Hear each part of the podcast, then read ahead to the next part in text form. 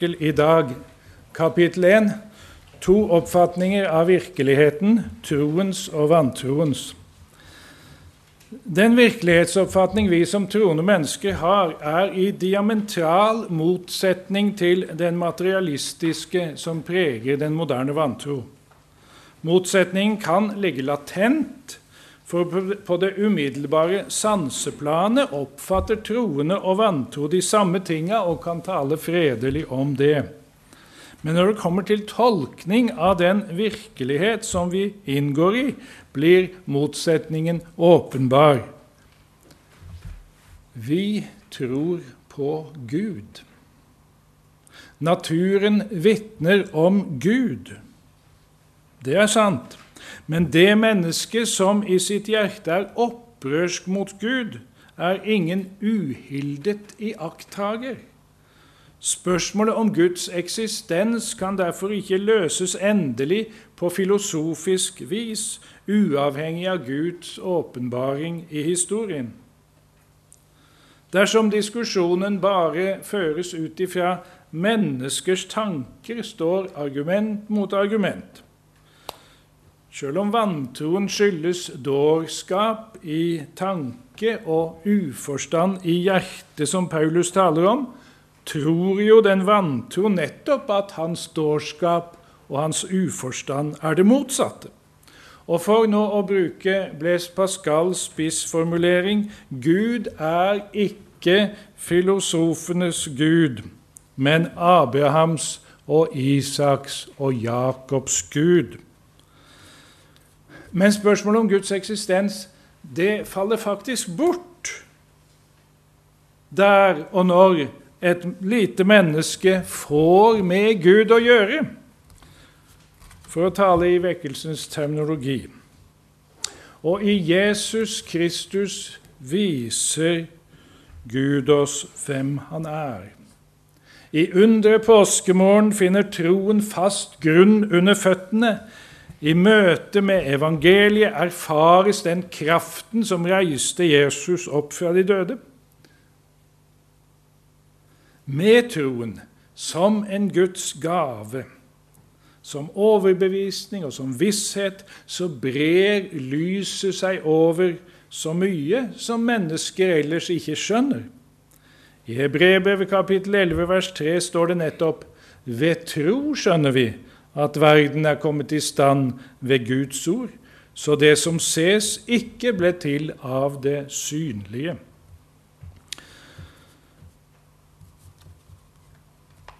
Akkurat som vi må innse at våre gjerninger ikke kan frelse oss, må vi også innse at vår fornuft ikke kan svare på de høyeste og djupeste og største spørsmål.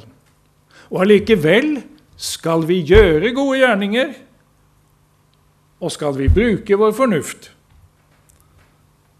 Og akkurat som troen er virksom i kjærlighet, så opplyser troen forstanden. Ved tro skjønner vi at verden er kommet i stand ved Guds ord, så det som ses, ikke ble til av det synlige. Det er altså ikke innsikt i verdens sammensetning som lar oss forstå dette, men det er innsikt i Guds ords kraft. Det gjelder en naturvitenskapsmann like mye som et søndagsskolebarn. For Gud som bød at lys skulle skinne fram av mørket, han er den som også har lært det skinne i våre hjerter, for at kunnskapen om Guds herlighet i Jesu Kristi åsyn skulle stråle fram fra oss sier apostelen i 2. Korinterbrev 4. I den første trosartikkel bekjenner vi at vi tror på Gud Fader, den allmektige, himmelens og jordens skaper. Det er på en og samme gang å bekjenne troen på den første person i den treenige Gud, og å bekjenne troen på Gud som skaper. For som Faderen er allmektig Gud og skaper, er også Sønnen og Ånden det. De var og er alle aktive i skapelsen, og de tre er ett. I den ikenske trosbekjennelses første artikkel bekjenner vi at Gud har skapt alt synlig og usynlig. Det er altså også et usynlig skaperverk. Det er en usynlig himmel som ingen naturvitenskap kan utforske. Det er et lys som ingen kan komme til. Det er myriader på myriader av englevesener. Det er vår tro. Og den er blitt til ved Guds ord. Det er himmel og jord også. Bibelen lærer oss at alle ting er skapt ved Sønnen og til Sønnen. Og verden er skapt slik at Sønnen selv kunne bli inkarnert i den for å frelse oss. Det viser oss menneskets enestående stilling og verd. Alt dette er totalt fremmed for materialisten. Debatten har gått livlig i avisa Dagen om skapelsen, om Bibelen og naturvitenskapen. Kanskje det var på høy tid. For utviklingslæren, eller evolusjonslæren, står uhyre sterkt i vår norske intellektuelle andedam, og den oppvoksende slekt blir indoktrinert med den. Særlig alvorlig er det når evolusjonslæren blir brukt til underlag for et livssyn og et menneskesyn som ikke er kristent. Og slik fungerer det i stor utstrekning i vår kultur. Darwin har nær sagt fått kultstatus, noe han sikkert ikke ville ha ønsket. Gudstroen blir bortforklart, og mennesket blir bare et høyrestående dyr. Jeg tror det er naivt å late som dette ikke er noe problem for barn og unge. Jeg mener at utviklingslæren undergraver troen hos mange i den oppvoksende slekt. Kapittel 2. Skapertroen er den gylne middelveien mellom panteisme og materialisme.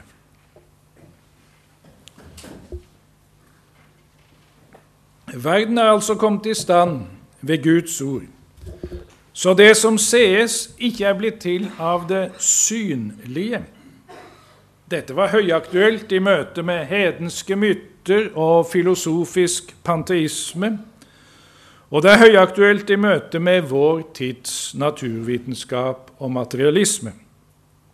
Den troende trenger verken å gå ut ifra at materien er fra evighet, noe som for øvrig tanken ikke makter å forstå.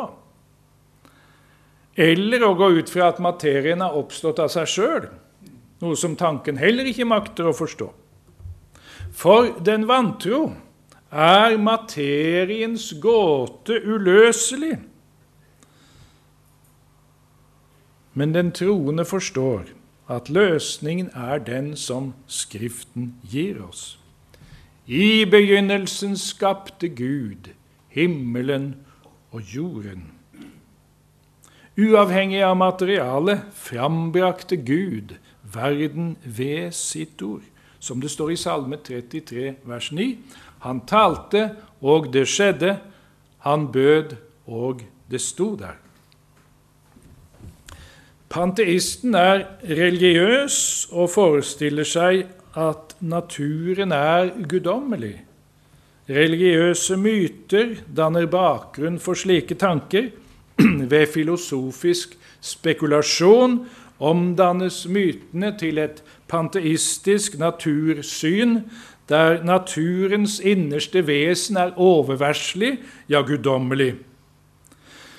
Materialisten på sin side er religionsløs og forestiller seg at det som kan erfares med sansene, er uavhengig totalt uavhengig av noen eller noe utafor den sansbare verden, ja, at det faktisk er alt som eksisterer.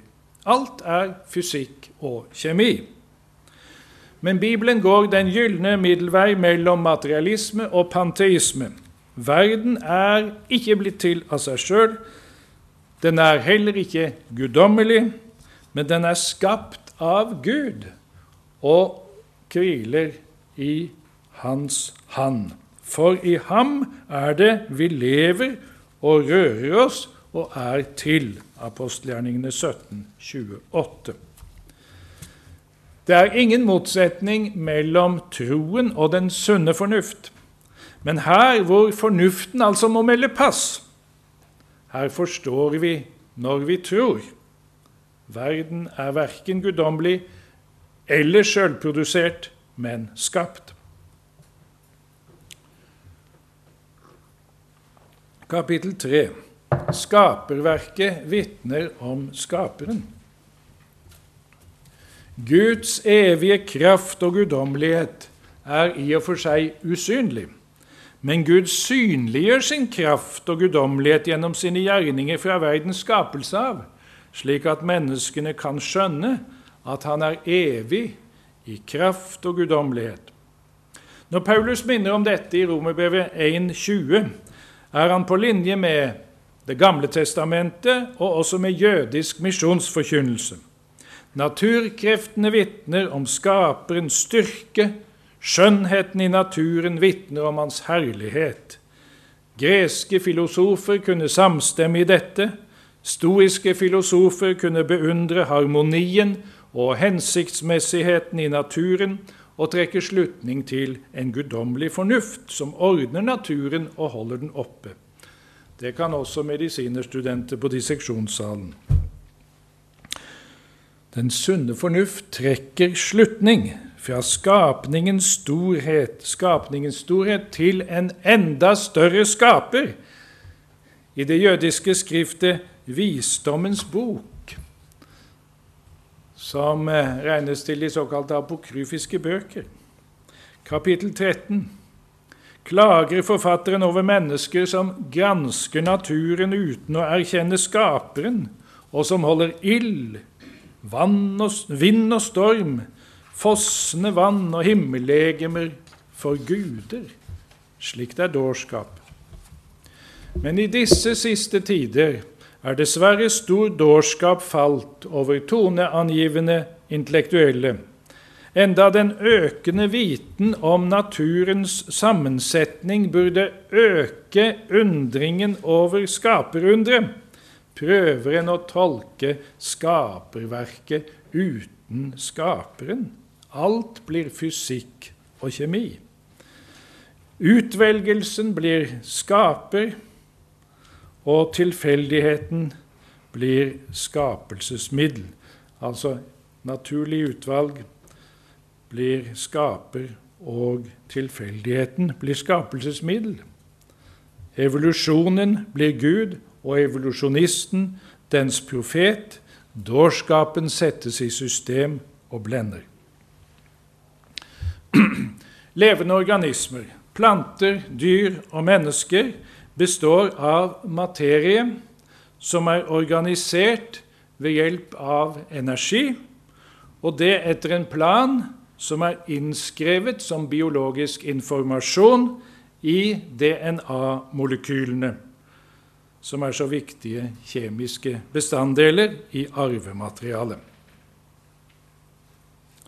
Materie organisert ved hjelp av energi etter en plan innskrevet i DNA-molekylene. Hvor kommer materien fra? Hvor kommer energien fra? Og hvor kommer informasjonen fra? Bibelen har svar Naturvitenskapen har det ikke. Jeg så at en evolusjonist påsto at det er akademisk latskap å forklare biologisk liv med at Gud har skapt. Vi må svare at det er dårskap å forklare biologisk liv uten å tro på Gud som skaper, eller å prøve å forklare det uten å tro på Gud som skaper. Naturvitenskapen er ute av stand til å forklare hvor materien kommer fra, hvor energien kommer fra, og hvor informasjonen kommer fra. Kapittel 4. Universet, jorda og det biologiske liv. La oss ta et raskt blikk på rådende paradigmer eller tenkemåter som den oppvoksende slekt møter nærmest som noe sjølsagt, om universet, jorda og det biologiske liv. Men jeg er ikke astronom. Jeg er ikke geolog. Jeg er ikke biolog. Jeg er ikke naturvitenskapsmann i det hele tatt. Og, og bær over med meg om jeg nå skulle bli for unyansert når jeg beskriver naturvitenskapelige posisjoner. Men jeg, jeg er teolog og burde vite mye om bibeltolkning. Og jeg har doktorgrad og burde vite noe om vitenskapsteori. Bak oppfatningen om universets tilblivelse og utvikling ligger bl.a. Einsteins relativitetsteori og den observasjon at avstanden mellom galakser øker. Kort sagt tenker en seg nå at universet har utvida seg kontinuerlig fra en eksplosjon for milliarder av år siden, og noe som da var svært lite og utrolig varmt, ekspanderte til noe som i dag er utrolig svært og svært kaldt. Etter the big bang dannet det seg etter hvert atomer, gass og støv, konsentrasjon av materie og etter hvert stjerner og galakser. Men mye har en ingen svar på, f.eks. hvordan universet i det hele tatt oppsto, eller om det finnes flere univers. Det rådende geologiske paradigmet legger til grunn at jorda er langt yngre enn universet, men likevel flere milliarder år gammel.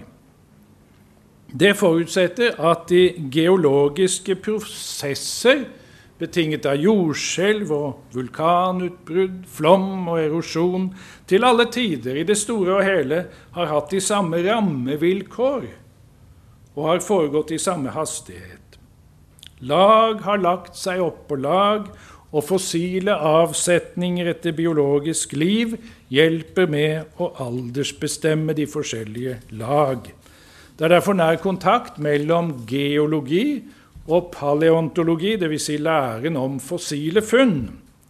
Radiometrisk datering, dvs. Si måling av radioaktiv nedbryting, og studier av kontinentaldrift spiller også inn.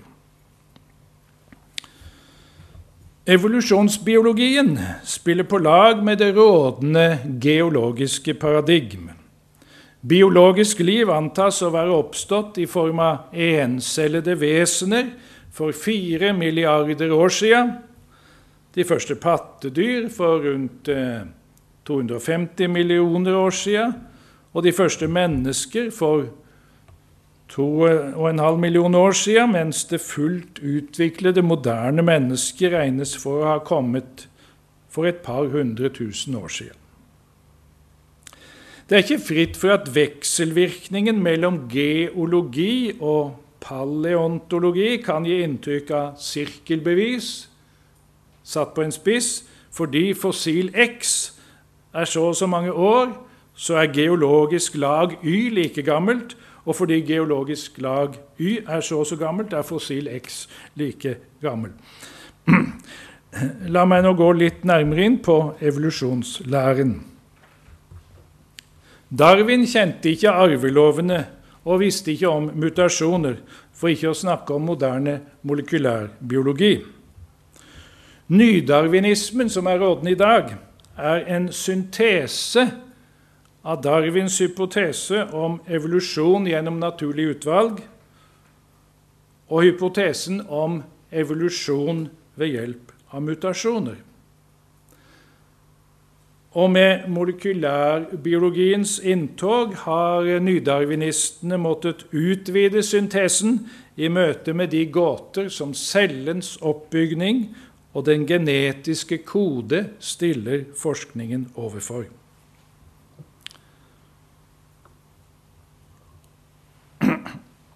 Noen teologer vil springe til med teistiske tolkninger av evolusjonen. Men eh, nydarwinismen som sådan er ikke interessert i det. Evolusjon oppfattes nemlig som en ikke-styrt prosess. Den nydarwinistiske syntese utgis for å være en teori som på beste vis forklarer de tilgjengelige vitenskapelige data, sjøl om mye altså forblir hypotetisk. Men dette kan ikke vurderes uavhengig av den ting at forskeren i utgangspunktet utelukker å regne med Gud som skaper.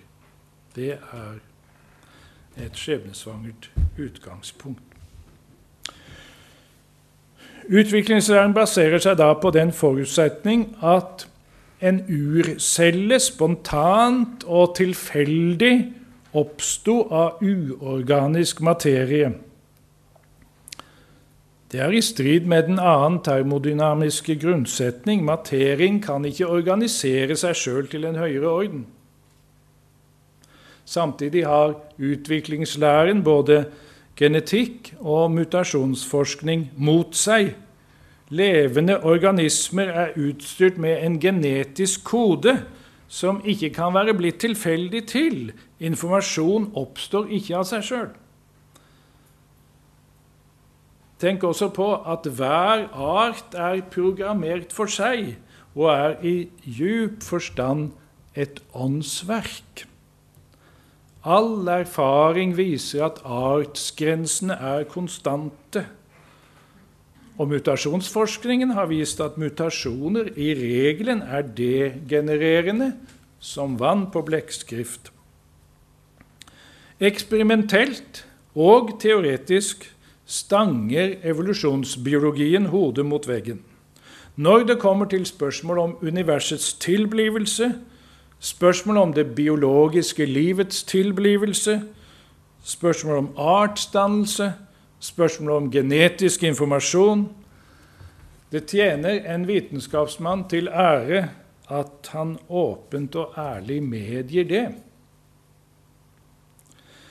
Vitenskapsteoretisk må en kunne si at naturvitenskaper som prøver å si noe om historien, enten det nå er universets historie, jordklodens historie eller det biologiske livs historie, dermed tar en avstikker fra naturvitenskapens hovedoppgave, nemlig å undersøke naturen i dag, og dermed tøyer sin kompetanse.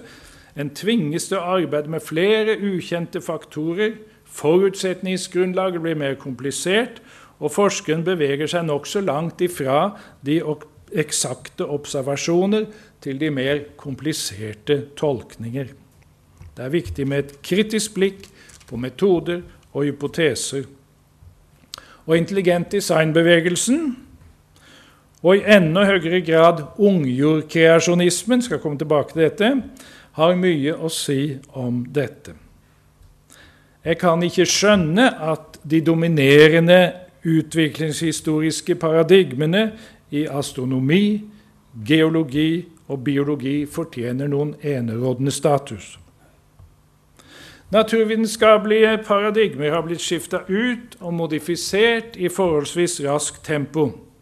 De sannheter som Gud har åpenbart om skaperverket, står som klipper i et fossestryk der verdensbilder og hypoteser strømmer forbi, og av og til slår imot trossannhetene med en tilsynelatende voldsom kraft, men så forsvinner de ut mot historiens utløp.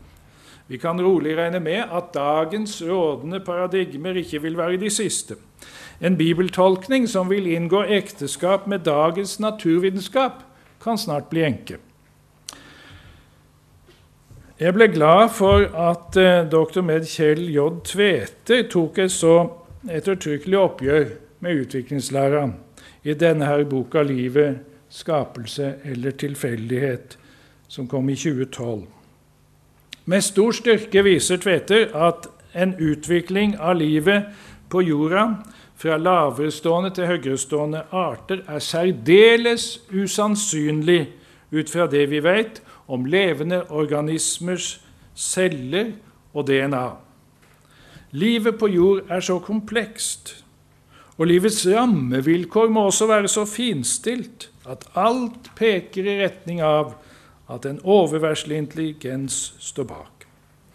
Tvete gjør seg til talsmann for en naturvitenskapelig retning som utfordrer nydarwinismen, og hevder intelligent design. Intelligent design den har i Norge fått et uttrykk i foreningen Origo. Enkelt oppsummert hevder altså intelligent design-bevegelsen, eller ID-bevegelsen, at livet på jorda ikke kan forklares av tilfeldigheter og makroevolusjon, altså en utvikling fra laverestående til høyerestående arter gjennom tilfeldigheter. Mikroevolusjon, mikroevolusjon, en differensiering innafor en art, det er noe annet.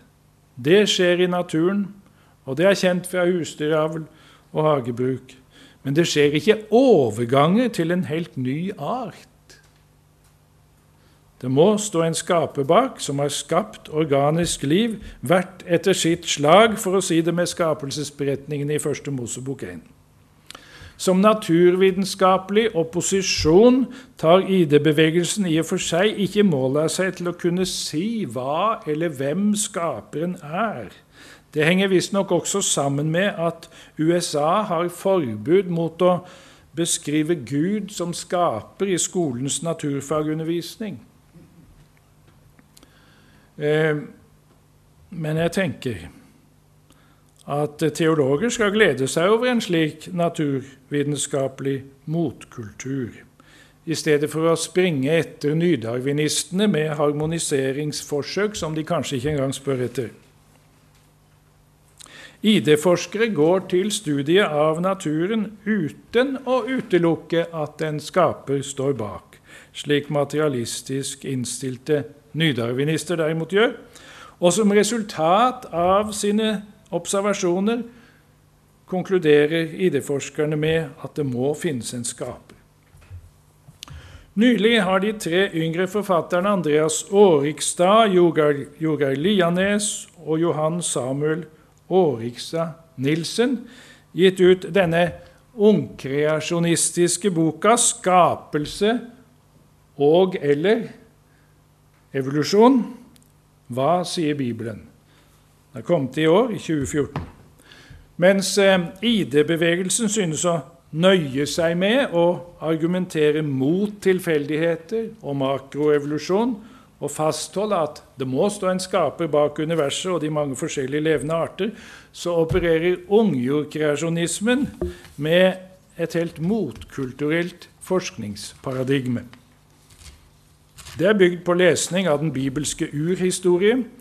Et paradigme med særlig tre premisser skapelse, syndefall og vannflom.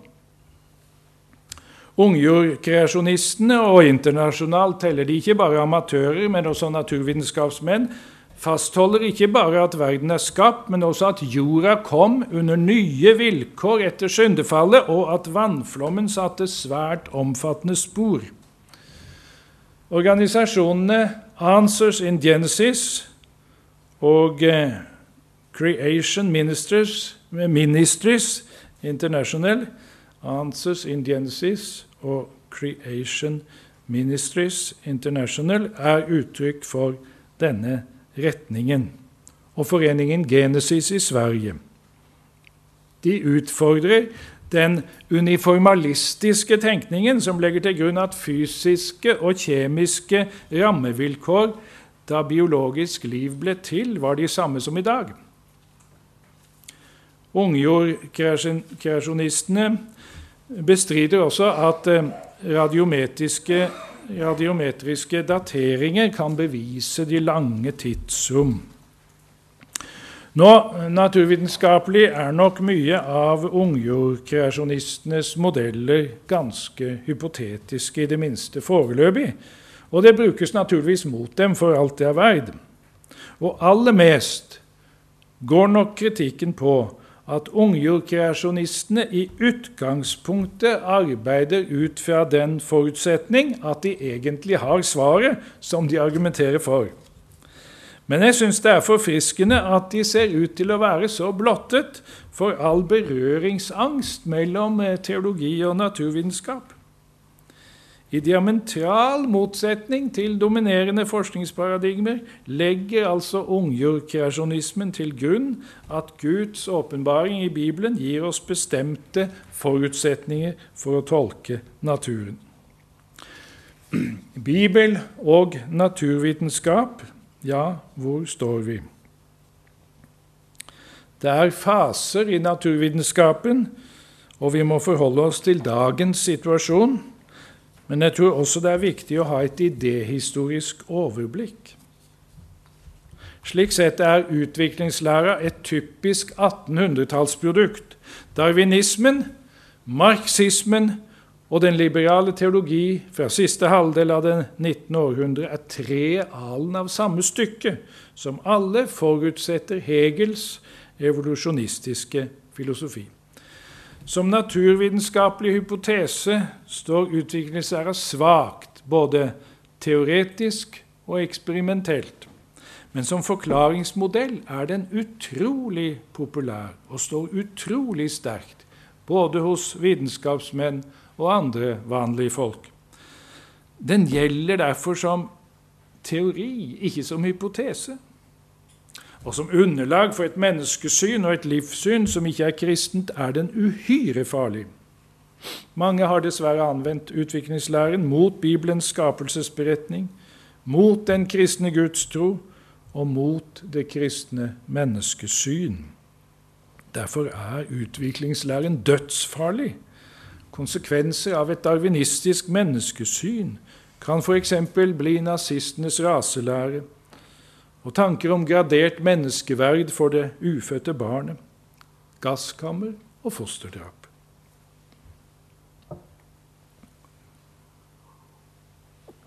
Kapittel 5. Hva sier Bibelen?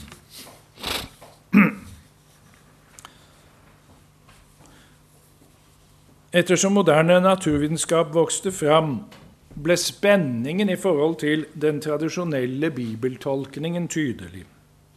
Fra teologisk side og i kirkelige miljø har det vært forskjellige reaksjoner.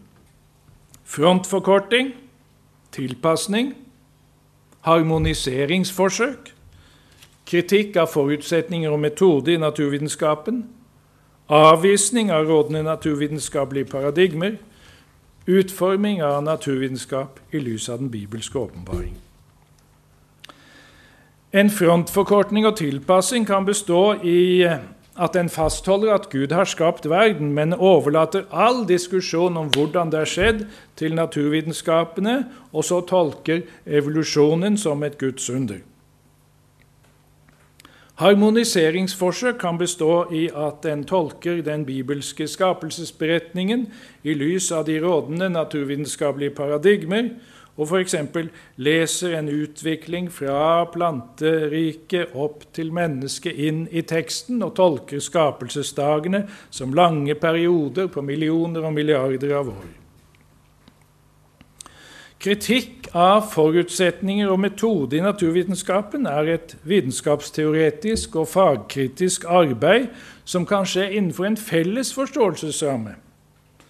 Der skillet mellom fakta og tolkninger i naturvitenskapen blir klarere, og der tolkninger settes under debatt. Slik avviste f.eks. teologen Ivar P. Seierstad utviklingslæren i boka 'Skapelsesberetningen og naturvitenskapen' i 1946. Både ut fra en slik kritikk og ut fra en eh, religiøs overbevisning så kan en avvise et rådende naturvitenskapelig paradigme. Og en kan, som ungjordkreasjonismen, utforme alternative tolkninger av de naturvitenskapelige data. ID-bevegelsen går et skritt i samme retning. Nå kan vi også notere at det er inntrådt en avspenning og en våpenhvile mellom en naturvitenskap som er kommet ut av puberteten og erkjenner at den ikke kan svare på de grunnleggende spørsmål, og på den andre side en form for historisk kritisk teologi som ikke tar skapelsesberetningen bokstavelig, men skiller mellom fortellerens verdensbilde og tekstens budskap. Men er ikke det å ta saken for lettvint? Det mener jeg. Det har sin interesse å se hvordan eh, Luther går til teksten i kommentaren til Første Mosebok. Han skiller ikke mellom et tidsbestemt verdensbilde og et budskap som er for alle tider, men han legger til grunn at teksten i alle detaljer taler rett om den skapte verden. Det gjelder også når han ikke vet hva han skal forstå ved vannet over hvelvingen, som er omtalt i Første Mosebok 1. Ære være ungjordkreasjonistene som i vår tid søker å vise at de naturvitenskapelige data kan tolkes i overensstemmelse med Bibelens ord. Men også Bibelens ord kan noen ganger tolkes forskjellig. Derfor kan mennesker med samme tillit til Bibelen ha ulike oppfatninger om f.eks. skapelsesdagenes lengde, om dagene i skapelsesuka er vanlige dager eller lange perioder. Det kan ikke være rett å bruke tolkningen av dette som tegn eller som test på bibeltroskap. Det er og blir et eh, tolkningsspørsmål. Tanker Fornuftige overveielser om slike ting må være tollfrie, mener jeg. Og en må kunne lytte til hverandre med respekt. Tolkninger kan diskuteres. Guds ord står fast. Den første artikkel står 'grensevakt mot hedenskap og ateisme'. Det er viktig å fastholde at Gud er vår skaper, at det er prinsipiell forskjell på mennesker og dyr, og at Bibelen er troverdig. Og urhistorien i Første Moseboks elleve første kapitler er grunnleggende for en teologisk forståelse av verden, av mennesket og av frelseshistorien. Vi kan eh, vel kanskje lete enes om at Bibelen er ikke en lærebok i naturvitenskap. Og Derav følger teologien blander seg ikke i det spesifikt naturvitenskapelige i naturvitenskapen. Men Bibelen lærer oss om Gud som skaper, og verden og oss mennesker som skaperverk. Og Derav følger teologien setter grenser for hvilken helhetsoppfatning naturvitenskapelige data kan plasseres i. Jeg tror at dette kan sies på flere måter. I Gud er det vi lever og rører oss og er til, som Paulus sier. Apostelgjerningen 17. Himlene og himlenes himler rommer ikke Gud. Første kongen 8. Men Gud har hele universet i si hand. Den sansbare, den immanente virkelighet som naturvitenskapen studerer, hviler i den usynlige, transcendente virkelighet som vi bare kan si noe om fordi Gud har åpenbart det for oss. Men denne transcendente virkeligheten gjennomtrenger den immanente. For meg er det da viktig at det ikke er vanntette skott mellom eh, kristentroen og naturvitenskapen. Naturvitenskapsmannen kan ikke bekjenne den første trosartikkel i kirka om søndagen og undergrave denne tro med sitt foredrag om mandagen. Jeg erkjenner at det er en arbeidsdeling mellom teologi og naturvitenskap, for teologien arbeider med Guds ord, naturvitenskapen med det skapte. Men jeg insisterer på at Bibelen taler om den samme skapte verden som naturvitenskapen arbeider med. Det er en verden som er skapt av Gud, men som også er merket av syndefallet, fordi mennesket trakk dommen ned over sitt fysiske miljø. Men Gud holder verden oppe inntil den går under og blir gjenfødt. Verden må så å si dø for å stå opp til evig liv i form av en ny himmel og en ny jord der rettferdighet bor. Naturvitenskapen engasjerer intellektet, i teoretisk arbeid, observasjoner og tolkninger, grunnforskning og anvendt forskning, så kan den nok også engasjere hjerte og vilje. Men troen, troen er vi døpt til. Den første trosartikkel hører til vår dåpspakt. Den skal leves, først og fremst i tillit til Gud som skaper og oppholder. Skapertro er også forsynstro. Det betyr ikke at det finnes en egen verdensorden for kristne som garanterer mot lidelse og ulykker, men det betyr at det finnes en trygghet i barnekåret hos Gud. Luther lærer oss i forklaringen å anvende artikkelen på oss sjøl. Å anvende trosartikkelen på seg sjøl er også å be. En teolog sier bønnen er alltid prøvesteinen for ektheten av forsynstroen. Og i vissheten om at Guds vilje skjer i himmelen, ber den troende om at den også må skje på denne jord, i visshet om at den skal skje fullt ut når verden blir født på ny. Takk.